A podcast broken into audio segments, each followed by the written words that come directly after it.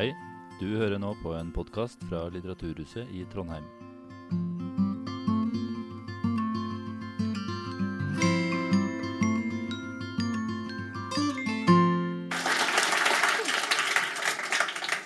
Velkommen. Velkommen. I dag så skal vi snakke om har det blitt for mye alvor i norsk skole.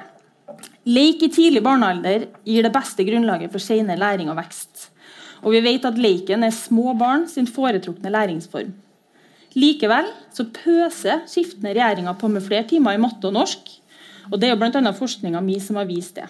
At grunnskolen har æst helt voldsomt ut de siste 20-30 årene. Men blir barna egentlig noe smartere? Lavt timetall det var jo ikke så uvanlig før. Jeg har jo en kollega borte på lærerutdanninga, professor igjen faktisk. Han gikk på skolen annenhver dag. Og han sier jo ofte det, eller han har sagt det Det er jo litt uklart om jeg er professor i dag på grunn av eller på tross av barndommen min. Og Det er kanskje noen her også som har gått utrolig lite på skole. Jeg vet ikke om det er noen som har gått på en liten grendeskole et par dager i uka. Men tilsynelatende har dere klart dere bra. Ja, Charlotte hun har klart seg ganske bra. hus, det må vi si. I Selbu? Gikk på skole i Selbu, ja, faktisk. ja. Annenhver dag. Ja, Der var det nesten ikke timer. Det er helt riktig. Men eh, lenge da så har vi hatt en skolepolitikk som baserer seg på at mer er bedre. Og det gjelder jo på alle fronter. Mer tester, og mer timer og mer press. Og Vi har en minister i dag som har uttalt at barnehagen må bli en del av utdanningsløpet. Og gratis kjernetid i SFO er jo kanskje et skritt på veien mot å gjøre det obligatorisk. Og for de fleste varer skoleløpet i veldig mange år. Så spørsmålet er jo hva vinner vi å tape med sånne satsinger? Er det endringer i skolen som gir økt bruk av antidepressiva, sovemidler, ADHD-medisin? Er mer voksenstyring og mindre leik virkelig veien inn i framtidas arbeids- og samfunnsliv?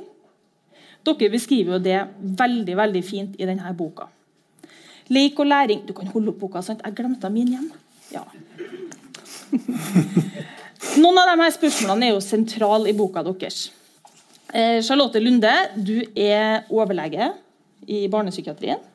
Jeg har holdt på med leikterapi, eh, også journalist, og er veldig engasjert i barn og leik. Per ved min side her, Brodal. Charlotte Lunde, jeg sa etternavn. Ja.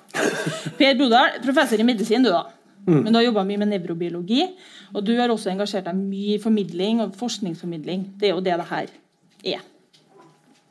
Vi gir dere en applaus.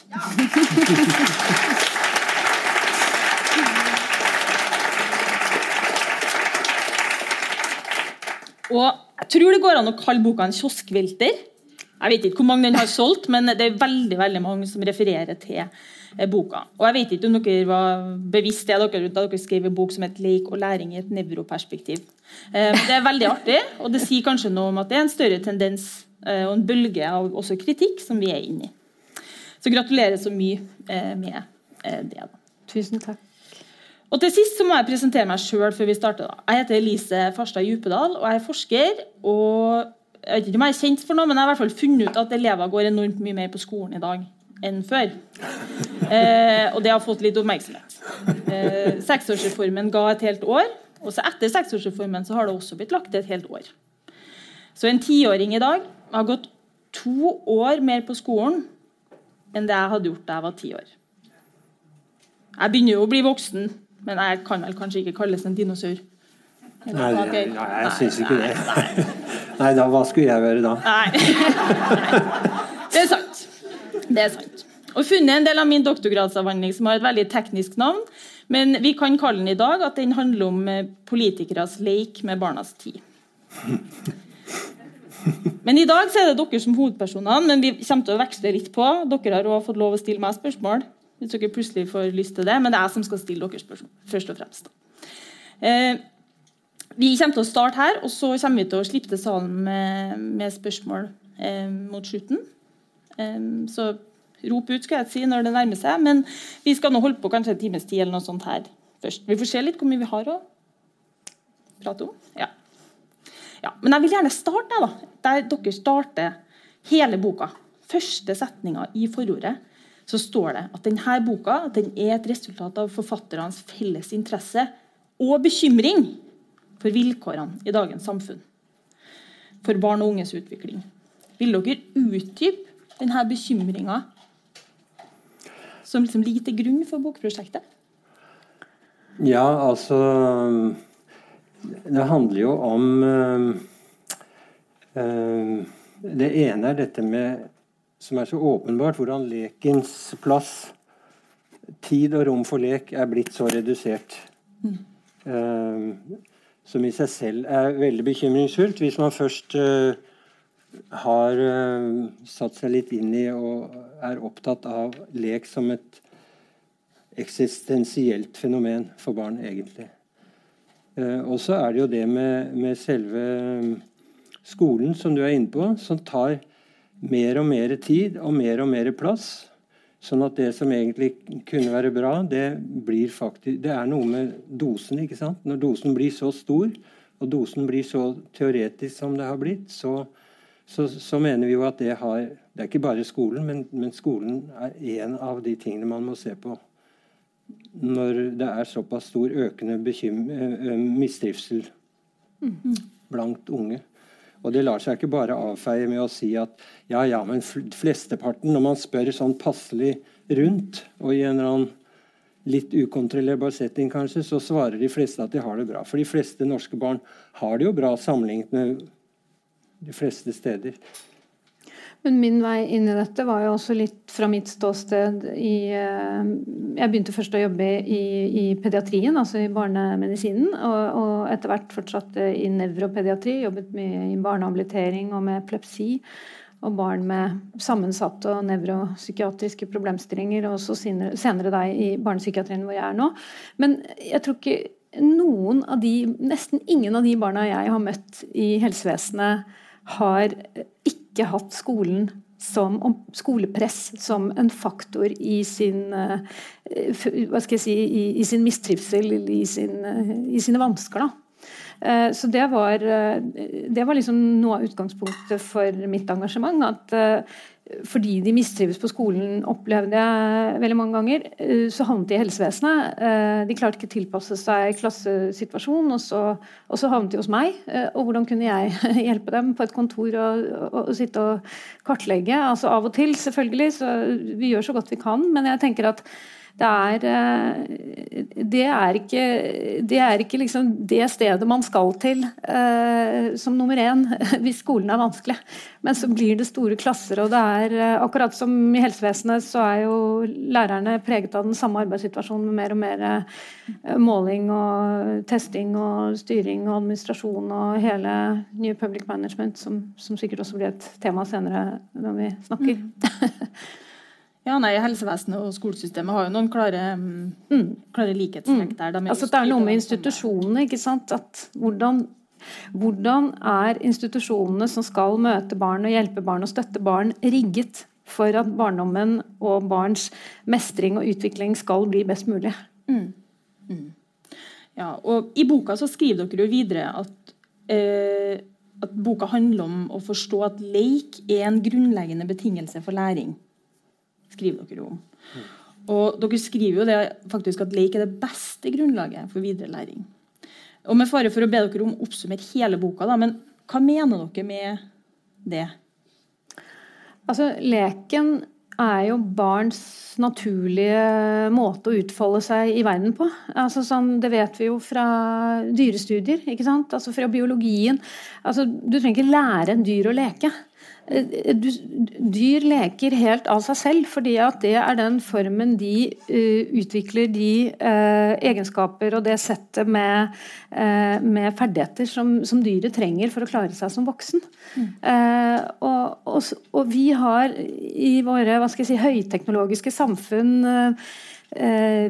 rasjonalisert utviklet oss si, bort fra at vi faktisk er natur, vi også.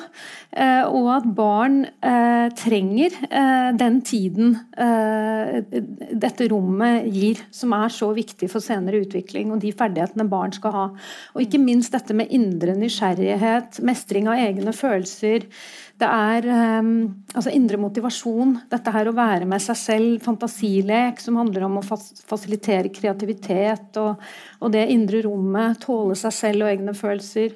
Mm. Risikoleken som, som, forebygger det å Eh, altså det å kjenne som har en såkalt antifobisk effekt, som, som forskere her i Trondheim har eh, skrevet om.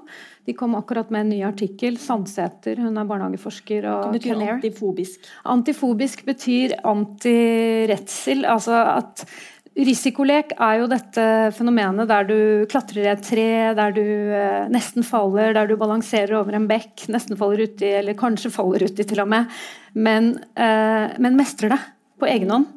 Uh, dette her å være, bli kjent med frykt som følelse. Altså, vi har jo alle truffet veldig små barn som elsker å leke bortebø. ikke sant? Eller femåringen som spør 'kom og ta meg', og så løper du etter, og han hviner av skrekkblandet fryd, som det heter. At i kontrollerte former så gir dette barn en evne til å kjenne hva følelsen frykt er, men i en kontekst som på en måte er trygg. Men når du aldri på en måte i særlig grad eksponeres for dette, når verden blir et sånn safe space der ingenting er eh, skummelt og farlig fordi mor og far passer på hele tiden, og du hopper heller på trampolinen utenfor eh, enn å leke i skogen uh, ved siden av, så får du ikke noe erfaring med dette. Mm. Så, så, hypotesen er at dette har bidratt faktisk til at veldig mange barn og unge i dag Eh, strever med mer angst enn tidligere generasjoners barn gjorde. Mm. veldig spennende. Ville du si noe om leik og læring, eller? Ja, altså Nei, jeg har ikke noe Nei, Nei fordi at det, det, er, det, er, noe med å ikke gjøre ting så innmari vanskelig. Eh, det er ganske mye man finner ut bare ved rett og slett å se hvordan barn oppfører seg i verden hvis de får lov til ikke blir altfor styrt. Og da er jo lek deres foretrukne virksomhet.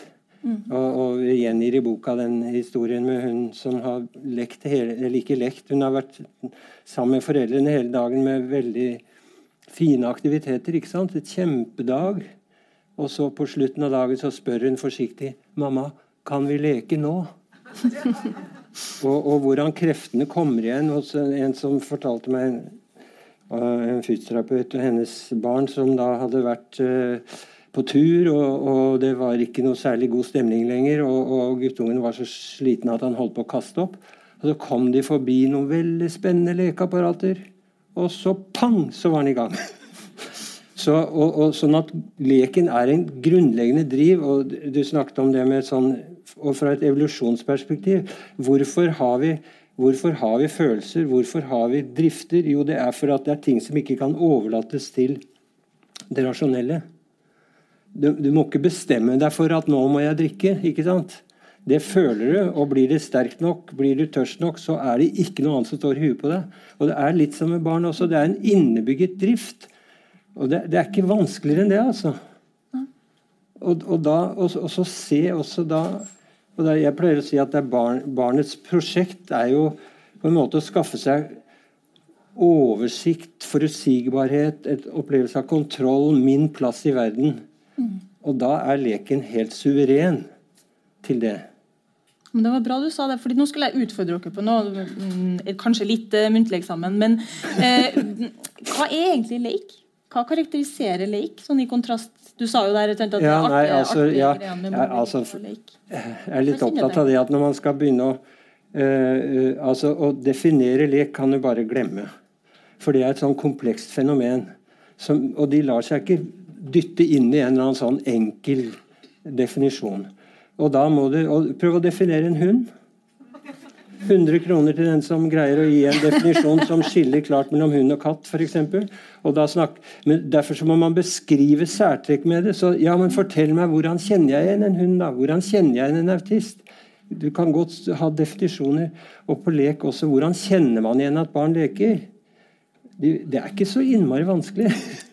Stort sett. Og så kan det være grenseoppganger, ikke sant, og det er skifting.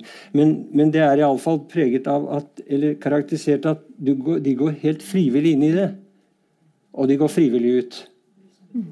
Og mens de er i leken, så er det det merkelige paradoks at til tross for at det er fullstendig frivillig, det er dette jeg har mest lyst på å gjøre, så legger de så mye restriksjoner på seg selv. For det må de gjøre i den leken.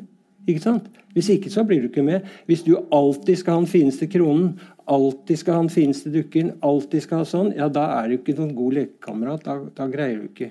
Og hvis ikke du greier å skjønne når Nå var jeg litt for røff. Nå tok jeg litt for mye. Å, jeg ser.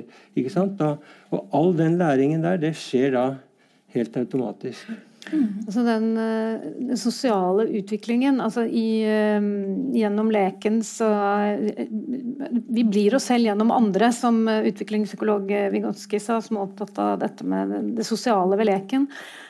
Så forhandler du frem, du, du, du, du, godtar rollen din, du strekker deg litt lenger. Du er liksom Det er en sånn forhandlingssituasjon som gjør som gjør som utvikler det da, i, et, uh, i, en sosial flokk. Og Man har jo også sett hos dyr med litt sånn forsinket uh, Eller som har lang pubertetsfase. Det er noen typer uh, præriehunder annet, som, som, har et veldig avansert samspill når de skal jakte ned store byttedyr, med noen sånne lyder og ja, helt sånn, Dette har man studert på nært hold. Eh, og de, de, denne, disse præriehundene de har en, en, forlenget lekefase. altså Puberteten er forsinket rett og slett sånn at de skal få hva skal jeg si, øvd på dette sosiale samspillet og lekt seg liksom gjennom for å bli i stand til å ja, til å um, overleve som art, rett og slett, i forhold til dette å jakte ned byttedyr. Mm. Fascinerende. Eh, dere har jo skrevet i bok, eh, dere er jo medisinere, eller dere er liksom i det fagfeltet. og Dere har jo skrevet om leik og læring i et nevro, nevroperspektiv. Altså det er jo veldig mange forskjellige fagfelt som er opptatt av leik og læring. Blant annet feltene som jeg kommer fra, jeg er jo eh, stipendiat i pedagogikk, blant annet, men vi har jo også en institusjon, barnehagelærerinstitusjon her i Trondheim som egentlig handler bare om det. Eh, så hva er, det, hva er, deres bidrag som medisinere? Altså, hva ja, det må... betyr det at det er et nevroperspektiv? Jeg tenker Det må være utrolig irriterende for dere pedagoger at det kommer liksom plutselig to leger, og så bare feier vi inn og sier noe om lek, og så er dere som forsket på dette i årevis. Endelig, så... endelig fikk vi jo fullt av. ja, nei, eh, nei, altså jeg er jo opptatt av dette med lek som noe evolusjonsmessig i oss. altså sånn eh, Fra biologisiden eh, at dette er en drift, som Per sier. Eh, jeg har jobbet med det i barnepsykiatrien, og jeg tenker at vi, jeg er opptatt av barndom som fenomen. at Hva er det med liksom, barndommen i dag som gjør at så mange flere barn og unge sliter? Eh, i, altså en studie fra 2018, dette var før korona, eh, gjort av noen arbeidslivsforskere, viste at én av tre norske barn og unge mellom 11 og 18 år hadde fått en psykiatrisk diagnose. Dette var riktignok på fastlegekontoret også, ikke, ikke bare spesialisthelsetjenesten. Eh, men fastlegene bruker jo eh, et diagnosesystem de også for å liksom sette en merkelapp på de vanskene de ser på fastlegekontoret. Én av tre norske barn og unge mellom 11 og 18 år. Altså, det er jo ikke reelt. Hva er det et tegn på? Uh, og det er klart at Lek er ikke det eneste svaret på det i det hele tatt, men, men, likevel, det er skjedd noe med barndommen i dag hvor mangelen på lek er en del av bildet. Da. Ja. Ja, og den, det er jo skjedd uh, det, det, ene er jo det tragiske seksårsreformen. man tok et, kan godt si at det tok et år av barndommen for mange. Noen har vært heldige og hatt en mykere overgang til, til det, men, men, stort sett så tok, bort, tok, man bort ett år, og så er det det året du har påvist også, som sneik seg inn. Og så at det blir så mye Det som i og for seg er bra, det er jo bra Det er jo veldig mye bedre at uh, at det er organiserte idrettsaktiviteter. Det er i seg selv Alt dette er bra. Men det har noe med mengden akkurat som med skjermbruk. Skjermbruk kan være ålreit, det med mengden. Det blir så lite tid igjen. Og så fjerner man disse 100-meterskogene, sånn som i, i, Bærum hvor jeg bor. Jeg tør nesten ikke si at jeg er fra Bærum, men det er jo et skjellsord mange steder. Men iallfall der er jo flotte politiske vyer om og her skal vi ta vare på naturen, og, og det er så viktig med disse små områdene som fortsatt kan lekes i med skog, og hvor det er blomster om våren og sånt. Men hva gjør man? Jo da, det bygges ned. Hele tiden. Helt, og i de siste ti årene så mye er bygd. Så, så uteområdene er innskrenket eh, mange steder. I Oslo by så er det jo De, de har eh, altså Kvadratmeterne per barn i skolegård og i barnehageområder er så mye mindre enn det som forskere mener er minstenormen. Og så sier de da ja, men dette er jo Jo, jo, og de som har ansvar, det, dette er jo så leit, og, og, og vi, vil, vi prioriterer det fantastisk, men, men dere må jo huske på hvor mange hundre millioner det ville koste om vi ikke skulle bygge boliger på de stedene der. Ja ja, så blir det sånn. Men parkeringsplassene, de blir bevart. Ja, men det, der, er- det er jo et fascinerende trekk med at man klager på den ene sida på at unger ikke er så interessert i å leke ut, og så Ja. kikker du ut for eksempel på nye Lilleby her i Trondheim, og så ser du en sånn død asfaltjungel der det liksom Ja. ikke vil ha En løvetann engang kan ikke vokse opp der. Også, også det at, eh, at eh, Det er en som har sagt at disse lekeapparatene som domineres av noen veldig sterke kommersielle aktører, eh, de, er sva, de, de, er, de forteller barna hva de skal gjøre. Og det er nettopp det du ikke skal. Ønsker vi kreative mennesker? Nei, vi vil helst sånne som bare gjør det akkurat det det blir fortalt. Det er det vi egentlig holder på med. For å litt, bli litt sur og ta spissen. Og Der er det jo mye som, altså der finnes det jo også mye forskning som viser for eksempel at man ofte ender opp med å kutte ned en skog for å bygge et lekeapparat med den hensikt at det skal øke aktivitetsnivået. Og Jeg husker jo også da jeg begynte øh, som på kroppsøvingslærer som, kroppsøving, på, som kroppsøvingslærerstudent. Og jeg husker det, liksom, det liksom skjellsettende øyeblikket der uh, underviseren fortalte meg det at ungene lærer seg my, nei, de beveger seg mye mindre jo mer læreren er involvert. Og på en måte, den erkjennelsen det er jo ikke noe unaturlig hvis vi tenker på det. sant? Du må stå i kø, det er mye blæsing i fløyta, opp og ned, og nå må du stå i ro før du får lov å røre deg. Um, og det er jo helt Men det å på en måte innse det, da, og hva det eventuelt betyr for din egen pedagogiske praksis, var ganske uh, Ja, jeg husker det jo fortsatt. Det begynner å bli noen år siden. Men bare for å si det en, en av de tingene jeg har opplevd, og som liksom gikk opp for meg etter hvert uh, i, som lærer gjennom så innmari mange år uh, Riktignok for, for studenter, da, men det var at du må gi slipp på kontroll. Du må slippe å tro at du kan ha kontroll over andres læring. Du kan legge til rette, du kan stimulere, du kan inspirere, du kan kjefte når du har tillit nok osv. Alt det, men du kan ikke kontrollere andre, og du må slappe av bare på det. altså. Ja, og, og Hva tenker du om det som, som forsker eh, i forhold til dette med at eh, testingen altså Jo yngre barna er, jo mer de blir testet. Eh, Jeg, bare, jeg var en av de som gikk da på skole i Selbu, Medvold skole i Selbu, annenhver dag. Det var helt topp. Jeg ble aldri testet i noe som helst. Og jeg må bare si at hadde jeg blitt så mye testet i barneskolen som, som barn blir i dag, så vet jeg ikke om jeg hadde blitt lege, rett og slett. Jeg vet ikke om jeg hadde hatt tro på meg selv. Altså, jeg var ikke spesielt god i matte da jeg gikk i, i første klasse. Det var mye jeg ikke fikk til. Og Norges altså, eh, felles kollega Kirsten Osen, husker, husker jeg fortalte med Norges første kvinnelige professor i nevroanatomi. Hun sa hun Jeg lærte ikke å lese før jeg var ni år. Jeg trodde jeg var dum, eh, men jeg lærte det etter hvert. Altså sånn Hva tenker du? Hva jeg tenker om det? eh, Nei, altså det er jo, jeg skal spare meg for å komme masse personlige anekdoter, men jeg kan i hvert fall si at jeg jobber jo veldig mye i arkiv. Og en av de mest interessante tingene som jeg har funnet i arkiv eh, som skole- og utdanningshistoriker, det er jo at det har vært enormt masse kartleggingsprøver i norsk skole tilbake i tid. Så det mest interessante er kanskje ikke at vi kartlegger, men det er hvordan vi bruker kartleggingene, og hvordan det brukes politisk. For eksempel så finnes det masse lesetester tilbake i tid, og mest sannsynlig har jeg også blitt lesetesta, og du har det, men det betydde ikke så mye. Det var ikke et, det var ikke et inngripende øyeblikk for deg. Læreren sto ikke og sa at det her er den viktigste dagen i året. Eller som den ene filmen som har gått på NRK, der rektor for første gang går ned og prater til andre klasse. De har aldri sett rektor. Og så kommer rektor ned og sier i dag er en viktig dag. Da kan man jo se for seg sjøl hvordan det oppleves. Men vi har mest sannsynlig ikke hatt den innramminga.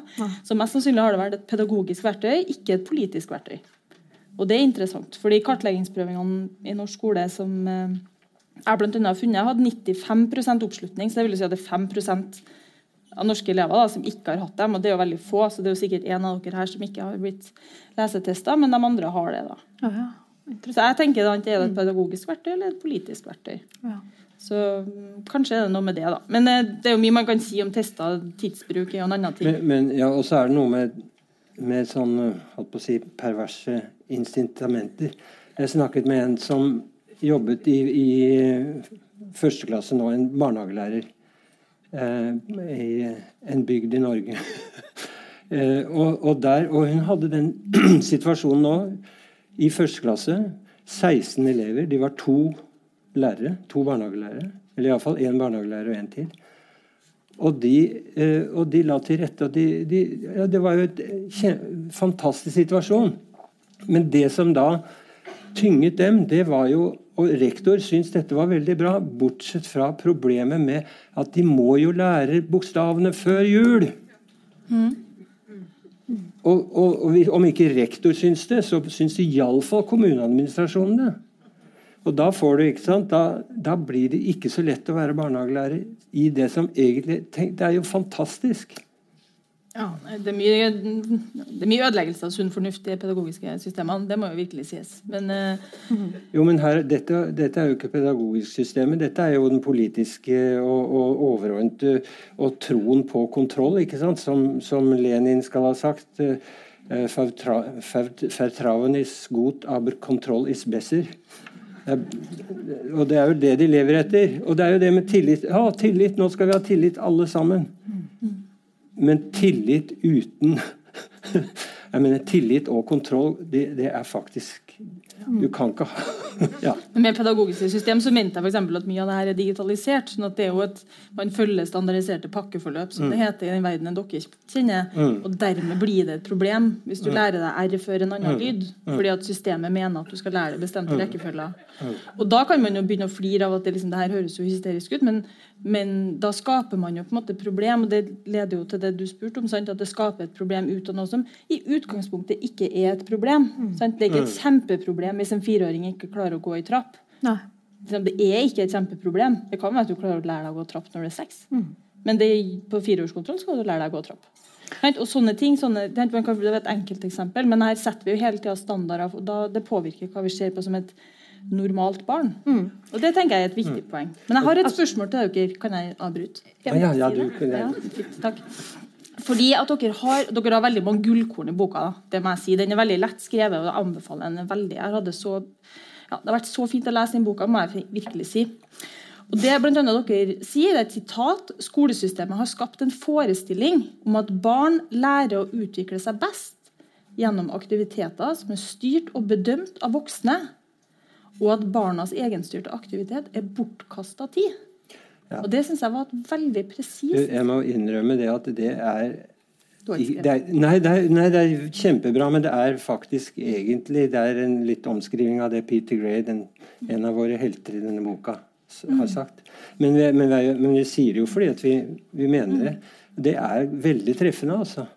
Eh, at det er den der merkelige forestillingen Det er denne forestillingen om at um, barn er små kar som skal fylles opp med kunnskap. Og kunnskap er noe du bare pøser på Kunnskap er jo helt verdiløs inntil, sånn som Helga Eng sa, du kan ikke tenke med noe du ikke har selv i hodet og i hukommelsen. Og det hjelper ikke hva du har av skjermer og all verdens Internett med kunnskap hvis ikke du greier å integrere det selv i ditt eget hode. Og da den troen på at Og det er en prosess som, som det, den, det mennesket med, sin, med, hjelp av sin hjerne da, må, må gjøre sjøl. Med hjelp av andre. Men. Ja, for bare det der å tro at alle barn utvikler seg likt. Skolen er jo basert på det. Når man liksom har normerte læringskrav for hvert semester. Eh, og, og, barn utvikler seg i veldig ulikt tempo. ikke sant? Og det, Dette er en forskning som jeg har vært opptatt av i mange år. Nå begynner den å bli offentlig kjent. og Det var til og med en norsk forsker som la fram et arbeid på dette. Nemlig at gutter eller barn som da er født sent på året, har en mye høyere risiko for å få en ADHD-diagnose enn de som er født tidlig på året. Og Dette er, en, dette er studier gjort i hele liksom, den vestlige verden. De første studiene på dette kom for eh, nesten ti år siden. Eh, så dette er store kohorter. Så her vet man altså at man driver og medisinerer og patologiserer eh, umodne barn. Eh, og, og, og, hvilke ressurser har vi ikke med det kanskje eh, mistet eh, mange liv? ikke sant? Jeg tenker at altså Disse arbeidslivsforskerne som jeg snakket om i sted, som, som har sett på at en tredjedel, en av tre da, eh, norske barn og, og, unge i 2018 fikk en psykiatrisk diagnose, de har sett på dette i et uføreperspektiv. ikke sant? Fordi at I et velferdssamfunn som vårt så får vi flere og flere unge uføre. Eh, og det er da, stadig, det er da særlig psykiatriske diagnoser eh, og mentale helseproblemer som, som, blir en del av den statistikken.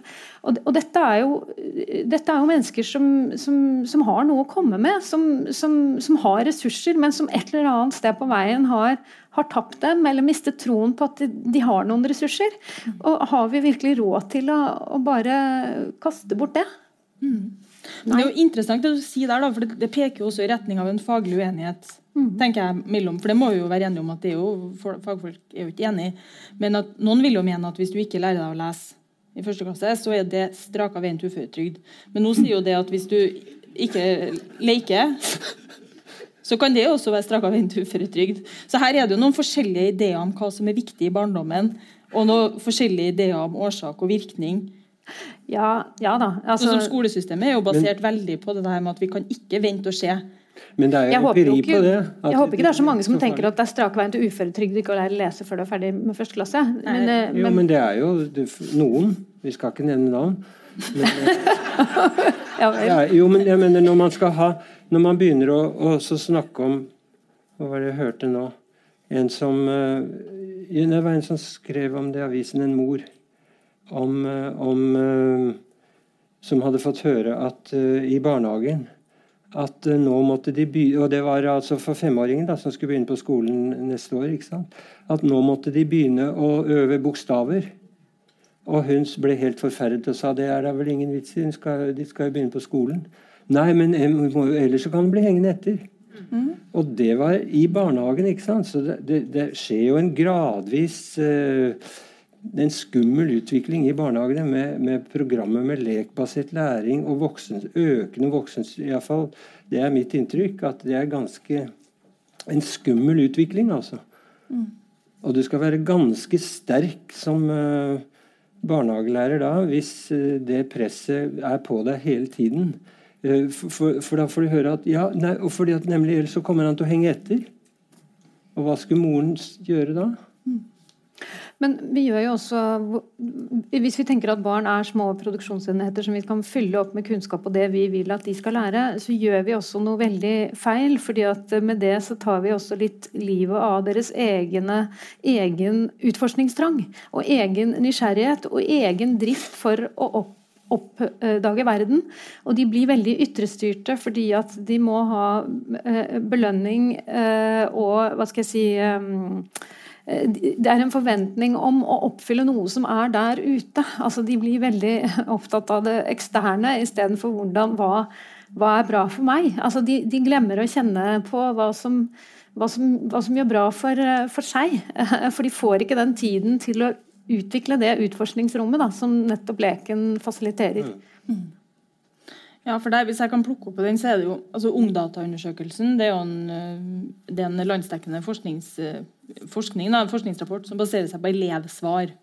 Eh, og Den gjentas med jevne mellomrom. og Den viser jo at de fleste ungdommene opplever skolen som et fint sted. sånn som du mm. sier. Det oppleves som, triv, De har høy trivsel, og de opplever seg inkludert. Men de siste årene så har jo stadig flere elever rapportert at de mistrives og så har det blitt langt flere som kjeder seg, og samtidig så er flere stressa.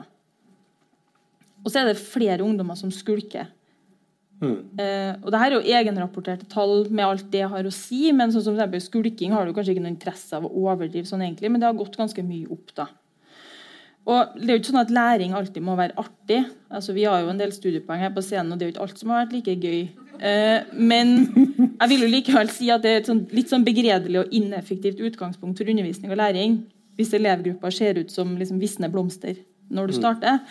Og der er det et spørsmål Hvordan kan skolen liksom sørge for at elevenes nysgjerrighet sånn som du sa da, og læringslyst opprettholdes, og aller helst egentlig forsterkes mm. gjennom skolen? Nå ser det ut som det er en tendens til at grafen den bare peker rett ned. Eh, hva er det liksom Jeg vet ikke om dere har noen tanker om det. Hvorfor peker grafen rett ned? Hvordan kan den peke opp? Nei, jeg, jeg tenker jo at dette, eh, denne testingen og dette presset i altfor ung alder, og dette året som du har vist, altså at, at barn for tidlig liksom har mistet, et, mistet helt eh, fundamentale år av barndommen hvor de nettopp skulle utvikle denne indre nysgjerrigheten og indre motivasjonen og driften mot å oppdage verden, den blir de mister veldig viktig studietid, ikke sant? Eh, for å kalle det det. eh, ved at vi har pålagt dem eh, så mye de skal kunne innen, eh, innen de fyller eh, seks og syv og åtte år. At, at de får ikke tid. Og i tillegg så kommer jo disse skjermene på toppen av det hele, som også er en passiviserende aktivitet som gjør at barn i mindre grad eh, kjeder seg og må finne på noe og bruke seg selv. Eh, mm. Det, det handler jo om å være At det i så liten grad er indrestyrt etter hvert. Og jeg tror det, altså det helt grunnleggende problemet som, for de ungdommene som sliter, og for alle mennesker som sliter med angst, uro og sånt, det er at de ikke opplever kontroll over livet sitt. De er ikke, det er ikke, som han Ingvar Wilhelmsen sier, sjef i eget liv. Jeg, er sikker på Hvis du spurte alle de ungdommene om føler du at du har valgmuligheter og kontroll i livet ditt, hvis de svarer ja på det, da Det, det gjør de ikke, altså. Det er, og det er det grunnleggende. Og hvordan og, og den måten du fratar dem opplevelsen av kontroll, det er ved å redusere muligheten for lek. Det er ved å gjøre skolesystemet sånn også, selv om ikke lærerne ønsker det, at du blir faktisk stemplet hvis ikke du følger akkurat den riktige. Og hvis ikke du er på den smale teoretiske stien, men faktisk er laget sånn som veldig mange av oss er, at, de, at vi har intelligenser, som det heter, på ganske mange andre områder enn akkurat det teoretiske frem mot noe akademisk, ja, da, da opplever du nederlag og, og manglende mestring som gjør at Og, og, og, hvordan, og, etter hvert utvikler kanskje det vi kaller lært hjelpeløshet, hvor du gir opp, ikke sant? Ja, og, eller på en eller annen måte friker ut. Enten ved aggressiv, utagerende atferd eller helt passivitet. Og, og, og det, så, så spørsmålet er hvordan kan vi hjelpe ungdom til å oppleve at de er herrer i eget liv? Altså På en måte er det kanskje nesten en sunn reaksjon at de begynner å skulke, da. Ja, ja men det er jo det. Det, det er jo en helt sunn reaksjon, men, men den er jo ikke hensiktsmessig ikke i vårt samfunn. Da, for sanksjonene blir så sterke. Men, eh, men det Men hva- er jo sunt, egentlig. Det jo, Nei, jeg hadde egentlig et spørsmål til dere der når du snakker om, eh, snakker om eh, liksom, barndommens betingelser på den måten. Er det der dere som medisinere vil si at det også dukker opp en del diagnoser? Når Per snakka Ja, ja. om at det, liksom, at det blir trangt for barn. sant? At, eh, mm. Vil dere liksom, for Det er jo en del, jo en, jo en del sånn medisinsk statistikk som viser at det er masse diagnoser som også begynner å gå liksom drastisk opp. og Du sa at 30% får en psykiatrisk diagnose hos fastlegen. Der, jeg, der er det jo masse feilkilder også knytta til hvem som setter diagnosen. Men det er jo uansett et tegn på at det er liksom Ja, ja. masse Ja, nei, altså det er jo masse altså En ting er hva ungdom rapporterer selv, ikke sant? som du viste til Ungdata. forteller jo at Ungdom selv forteller de ikke har noe bra. Det er eh, rapporter på at, eh, at det settes diagnoser både på fastlegekontoret og i spesialisthelsetjenesten. Og i medikamentstatistikken så ser vi jo også at eh, det er en økning i bruk av psykofarmaka til barn. Altså psykiatriske legemidler, ulike typer psykiatriske legemidler. Og det går jo særlig opp eh, noe som har hatt en markant økning. Dette er vel over hele verden. Det er jo også antidepressiva til unge jenter. da. Eh, Så unge jenter begynner mye, Det er mye antidepressiva til unge jenter, og så er det ADHD-medisiner til gutter. Så det er liksom uro og det vi kaller eksternaliserende atferd, altså det å være aktiv. For hva er det vi prøver å medisinere? Interessant. men, ja. ja, men- Nei, altså det er jo Altså disse eh, Noen sliter virkelig med eh, nevrologiske eller nevropsykiatriske tilstander og, og, kan ha bruk for disse medisinene fordi at de gir en bedre konsentrasjon. Men ADHD står jo for Attention Deficit Hyperactivity Disorder. Hyperkinetisk forstyrrelse, kaller vi det i det norske mm. diagnosesystemet. Og, og, mange barn og unge har, har problemer som, som, som, trenger behandling. Mm. Men, men når, når vi ser en sånn enorm økning i disse problemene, så handler det jo ja, mm. så handler jo ikke dette om et, eh, at vi som art er blitt sykere, skulle du si. Det handler jo om eh, noen eh, Det handler jo om hvordan vi organiserer nettopp barndommen, da. Det var i hvert fall mm. min eh, Eh, mine tanker da jeg begynte som eh, barnelege. Mm. Så det er noen sosiale faktorer? Ja, det er, en, det er noen kulturelle og sosiale faktorer. Det er liksom ikke Tsjernobyl eller blyforgiftning? Eller? Nei, også fordi at det, det, du kan se, det er jo økende ytrestyring, ikke sant? Mm. På alle måter. Bort, ja, altså reduksjon i lek, som iallfall er indrestyrt. Mm. Eh, økende lekbasert læring i barnehagen, som blir voksenstyrt. Og det kan være bra, det, men det er jo ikke lek. Det er ikke lek. Det er voksenstyrt. Uh, og, og, så, og, så, tenk på da de ungdommene som er så uh, enten de vil eller ikke, avhengig av skjerm, og hele tiden til tilbakemeldinger og måle seg mot uh, hva de andre har og, og, ikke har, og alle, hele det. Så, og, og, at skolen også da med det som et, Det er ikke skolens skyld med karakterpress, det skal jeg ikke si. Men det er noe med igjen måling, testing, hele tiden bli klassifisert og Noen kunne vel leve lykkelig med å ha en treer i gjennomsnitt. De burde få lov til det, for det er der de er. Uh, og så kan de utfolde seg på andre områder. Men det går jo ikke, ikke sant? Da er du helt mislykket. For da kan du ikke bli professor. Det er jo en av Ken Robinson som har sagt det at uh, må, utdanningssystemet i stort sett sånn som det er i verden nå, de er gira på én ting, og det er å lage universitetsprofessorer. Og det, selv om jeg ønsker at alle var som meg, så får det være grenser, liksom. ja. men, men, hva tenker du som, som, eh, har jobbet eh, Hvordan tenker du at det er lurt å, å ta vare på barns nysgjerrighet? Hvordan kan vi gjøre det bedre? Jeg var jo ikke akkurat en dinosaur, da, så jeg, jo, så jeg har jo ikke levd så lenge. Eh, men jeg tenker jo at det er jo mange standardiserte system i skolen som ikke legger til rette for den variasjonen som mm. barna naturlig representerer. Mm. Og som egentlig ikke handler om den enkelte pedagog eller den enkelte, mm. det enkelte klasserom. Det er på et annet nivå. Og så kan selvfølgelig enormt gode pedagoger legge til rette for at en hel liksom, skokk av barn kan både mestre og trives i deres mm. eh, klasserom eller undervisningsrom. Eh, det må jo ikke være et klasserom. Eh, men tidvis så virker det nesten som det mer er på tross av enn på grunn av de rammene man har. Mm. Jeg leste nettopp en lærer som skrev at da han starta som eh, eh, lærer, så hadde han 16 elever.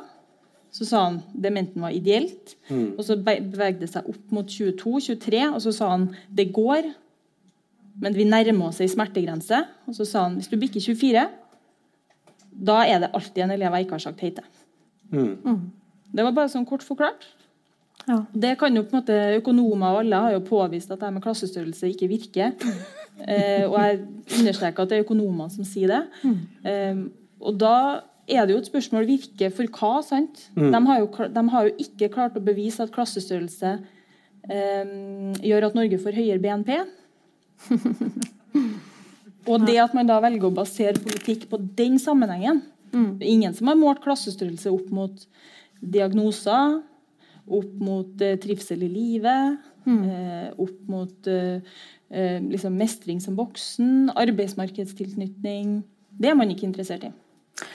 Så jeg synes Det er mm. interessant for alle pedagoger. Det er ikke en pedagog som vil si at klassestørrelse ikke har noe å si. og de aller fleste, Nå er det enorm som pedagogtetthet her. Er det noen som ikke er pedagoger, eller? ja, det var sju stykker, da. Det er bra. Eh, men eh, dere som ikke er pedagoger, da, dere har kanskje holdt på med fiskespill eller noe på en barnebursdag. eller, Med en gang det bikker liksom over åtte åtte unger som skal fiske samtidig, så er det jo helt ko-ko. Og sånn, Det er ikke noe annerledes i et klasserom, selv om vi har etter hvert flere hundre studiepoeng. Eh, jeg har hatt 46 elever i kroppsøving, f.eks., eh, der 40 av dem ikke kunne norsk. Du trenger jo på en måte ikke å være kjempe du trenger ikke være lynskarp for å skjønne at det er en veldig krevende betingelse for det vi skal holde på med. Eh, det er liksom ja. Så jeg tenker jo at okay, Vi skal, skal, liksom ikke snakke en time om klassestørrelse, men det, det er selvfølgelig en sånn grunnleggende betingelse. Ja. Og når store klasser kombineres med standardiserte system, så blir det veldig vanskelig å være mm. pedagog. Men, uh, og lite penger. Mm. Ja. Altså, Harriet uh, Bjærum Nilsen er jo en uh, skoleforsker som jeg syns er uh, morsom å lese, som jeg syns det er verdt å lytte til òg, ettersom hun har sittet i norske klasserom i 30 år og faktisk fysisk gjort det, liksom. Ja. og Hun sa jo at hun ønsket seg en skole for livet og ikke for skåringen i neste PISA-undersøkelse. Mm. Og Hun peker jo også på dette med klassestørrelse. da. Og I Finland trekkes jo ofte frem av skolepolitikere som et land som bruker skolen som en sosial utjevning utdanningsinstitusjon. Da, og at det kunne vi hatt mulighet til å gjøre i større grad i Norge også. Og så er hun litt opptatt av det med den skolestarten. Eh, seksårsreformen. I Finland begynner jo syv. Mm. Um, og det ser ut til å gå bra, da. Men,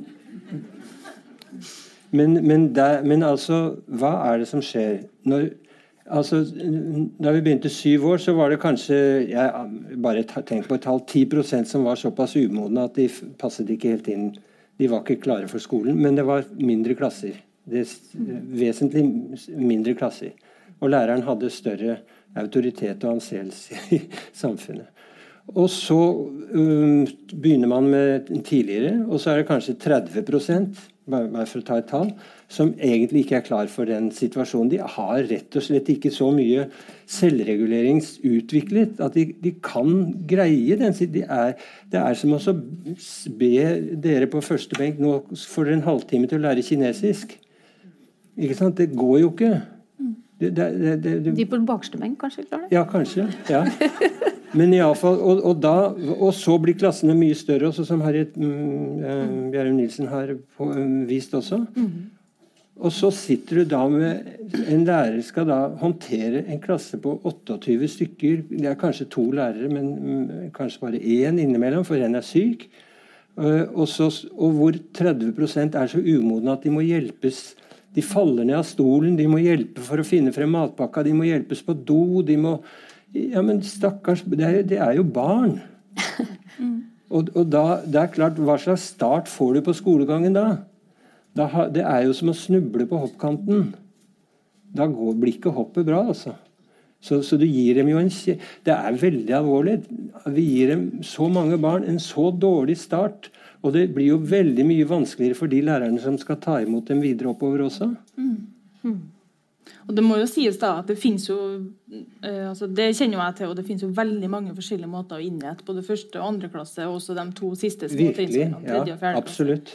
Fordi jeg som forsker på timer vet jo hvor forskjellige de her timene på en måte oversettes til praksiser i skolen. Sant? At det, det, er veldig stor forskjell på hva man kaller en norsktime og hva man kaller en norsktime på første trinn. Eh, på den ene skolen kan det være noe som ser ut som en videregående klasse.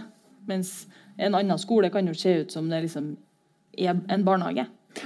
og det er norsk, sant? og det må vi jo ha i mente. Mm. Men det tenker jeg, det, er ikke, det prøver ikke å si mot dere, men at det også spiller inn i at det er ganske forskjellig å være elev i de, ja, ja. i de settingene. Men du er fortsatt en elev, og det er undervisning og det er skole. Men, men vi praktiserer forskjellige pedagogikker, vi har forskjellige grunnsyn og forskjellige ressurser. og Det er ganske mye forskjellig som spiller inn her. Eh, F.eks. hvis du fjerner pultene, hvor mange lærere bør du ha i rommet da?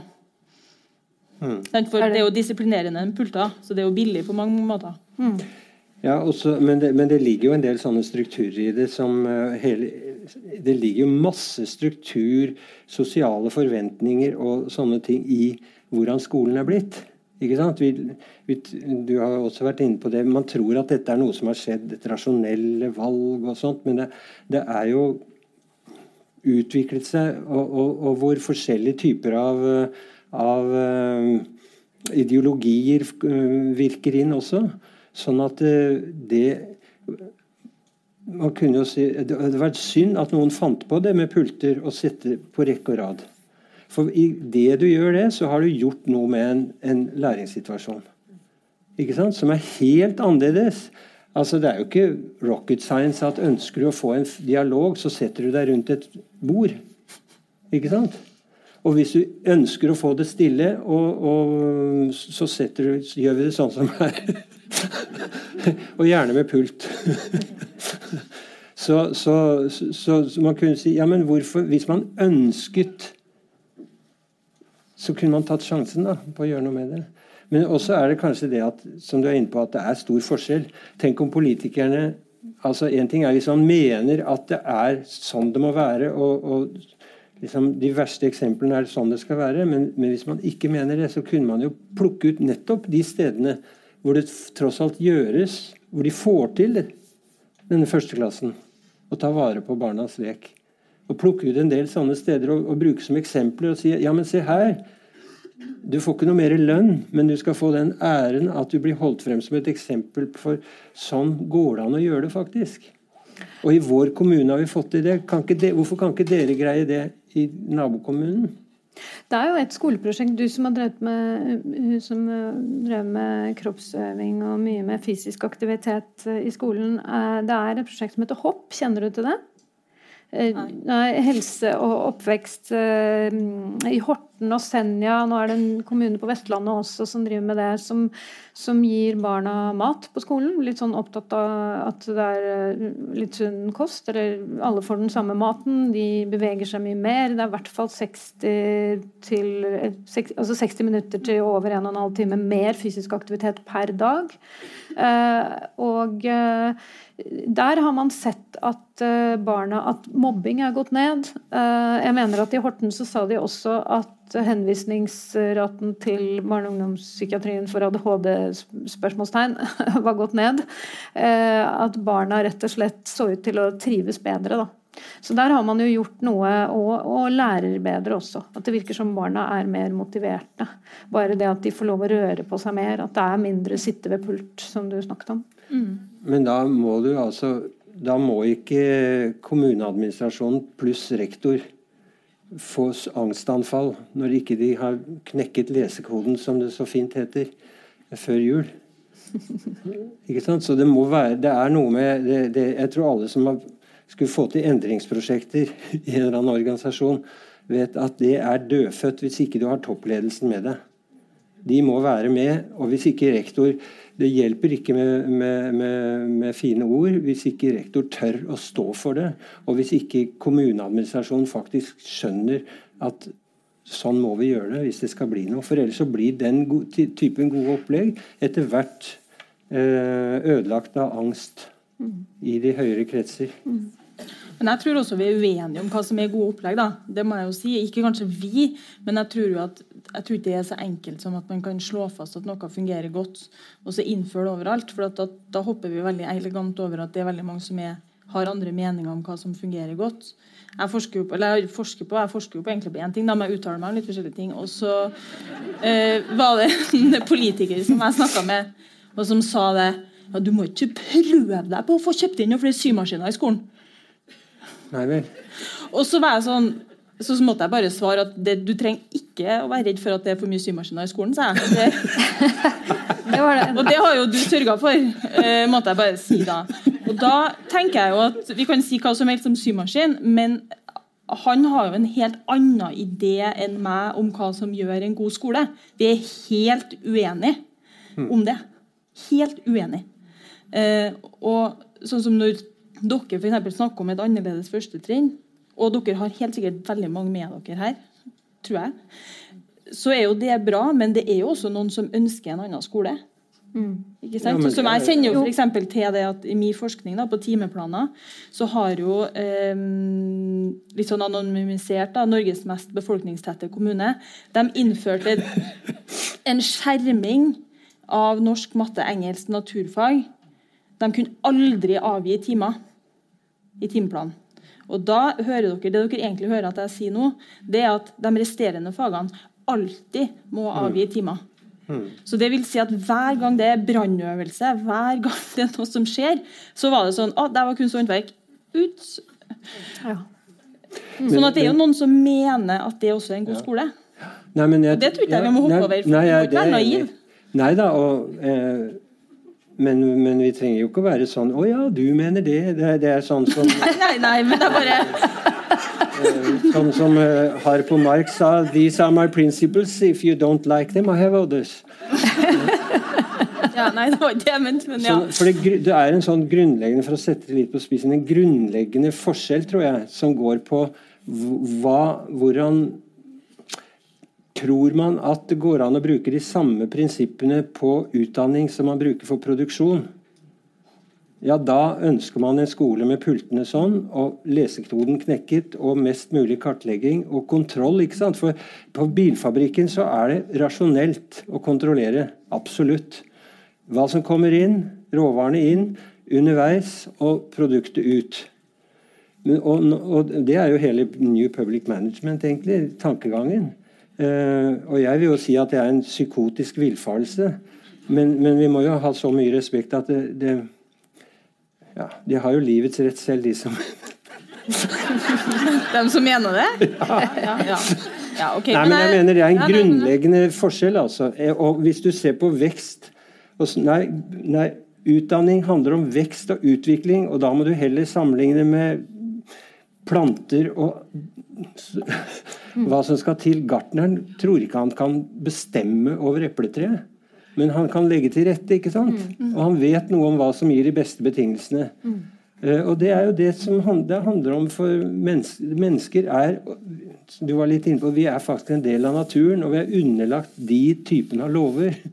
Og vi er faktisk ikke eh, Ja, og så videre. Så vi kan egentlig ikke standardiseres? Nei, jeg mener det er en grunnleggende misforståelse. eh, feiloppfatning av hva vi er som eh, biologiske levende vesener. Veldig fint. Eh, Jeg tenker at Vi snart begynner å åpne for noen spørsmål fra salen, så forbered dere på det. Eh, Still gjerne spørsmål.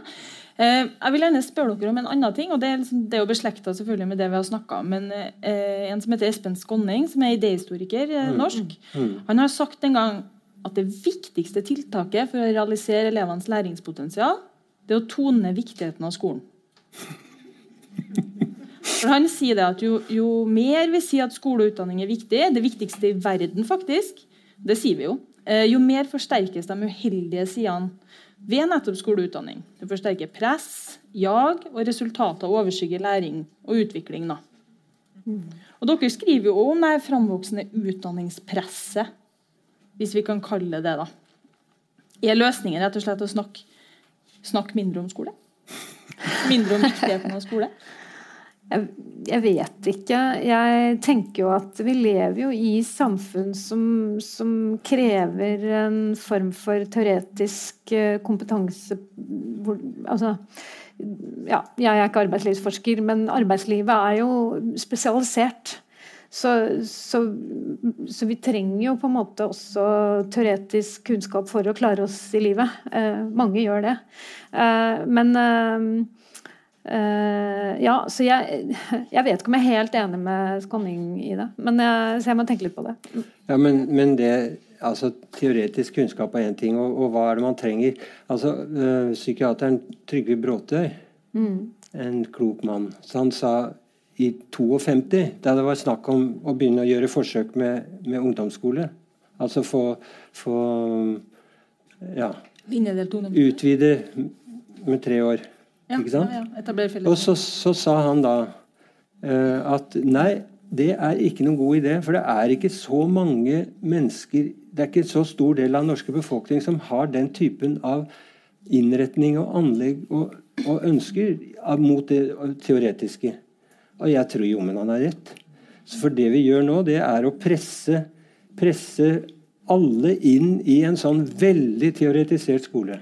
Jeg syns disse tallene du viser når det gjelder, når det gjelder eh, valgfag i ungdomsskolen Hva det er blitt av det? Det er, det er liksom bare fuff, vekk. Ja, det sier jo noe, altså. Og, og praktiske, estetiske fag som er så nedprioritert. Det, så, så, hvis man virkelig ønsker Hvis, hvis uh, utdanningsministeren og andre virkelig ønsker å gjøre noe, så må de ta noen skikkelige grep.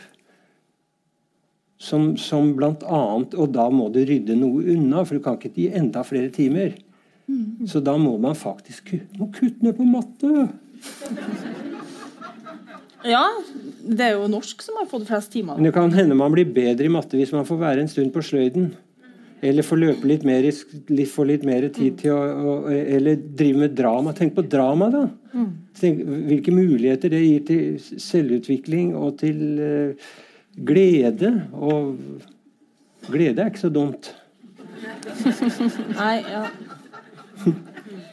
Ja, men, okay, men, da må jeg bare stille dere et spørsmål til. for Nå kom jeg på en, en veldig fin passasje fra boka. for det var at Dere skriver at det er utrolig viktig at barn de, de skal ikke bare motta. Mm. De må også være mottakelige.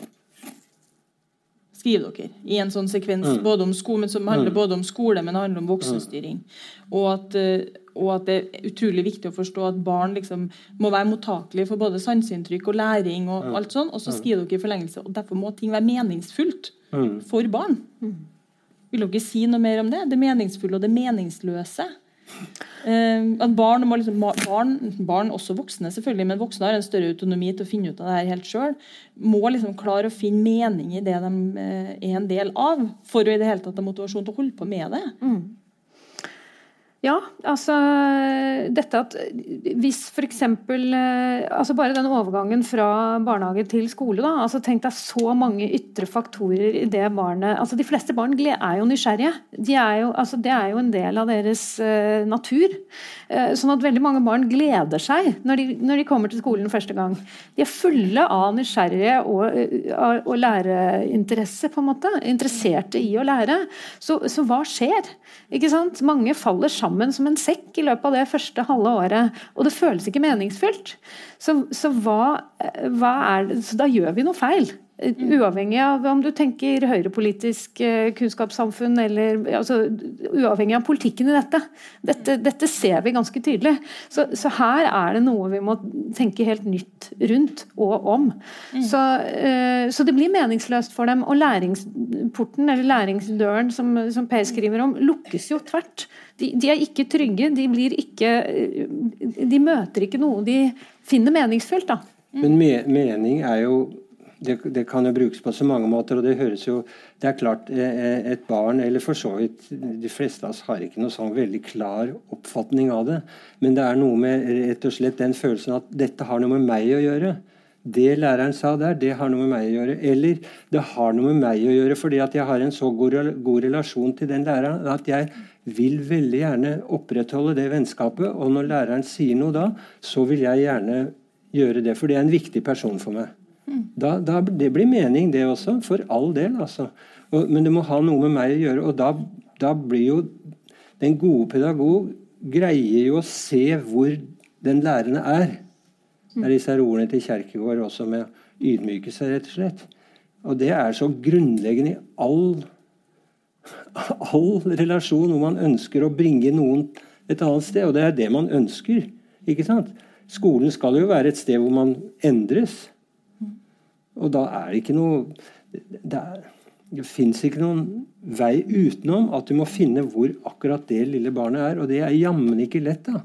Med 28 stykker som løper som kongens harer i alle retninger. Så, øh, og hvordan kan man legge til rette for at øh, flest mulig blir sett? Ja, det har jo noe med klassestørrelse å gjøre. Og, og sånt da. Mm. Også at lærerne ikke er så utslitt av altså Jeg tenker på alle disse veile, alle hva det heter for noe, utviklingssamtalene og alt, alle de tingene som jeg hører om. Jeg hadde blitt gæren, altså. Heldigvis. Jeg, I mitt liv som, eh, som, på universitetslærer så har jeg fått lov til å styre ganske mye selv. Og det er jeg lykkelig for. Men, men med ansvar og selvfølgelig engasjement. Og jeg tror eh, Ja.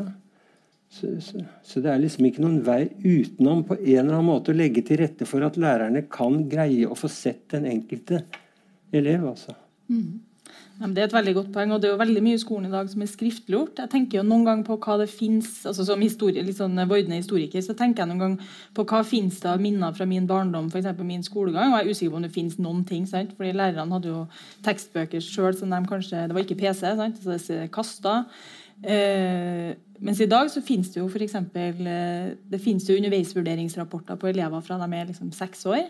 Eh, så hvor mye kan vi finne av dagens barndom om 20 år? Du har Facebook i tillegg, selvfølgelig, du har TikTok, du har Snapchat og alt det der som ikke eksisterte før. Så det har liksom slått meg at det her er også det paradigmeskifte i at jeg kunne jo forlate min barndom. Ingen som vet hva som skjedde der. Mora mi sitter her da, hun vet kanskje litt. Men uh, ellers er det ingen som vet noen ting. Uh, mens i dag så er det liksom, du kan også gå tilbake til din egen barndom på godt og vondt um, og finne ut veldig mye. Uh, og se hva som blir skrevet om det.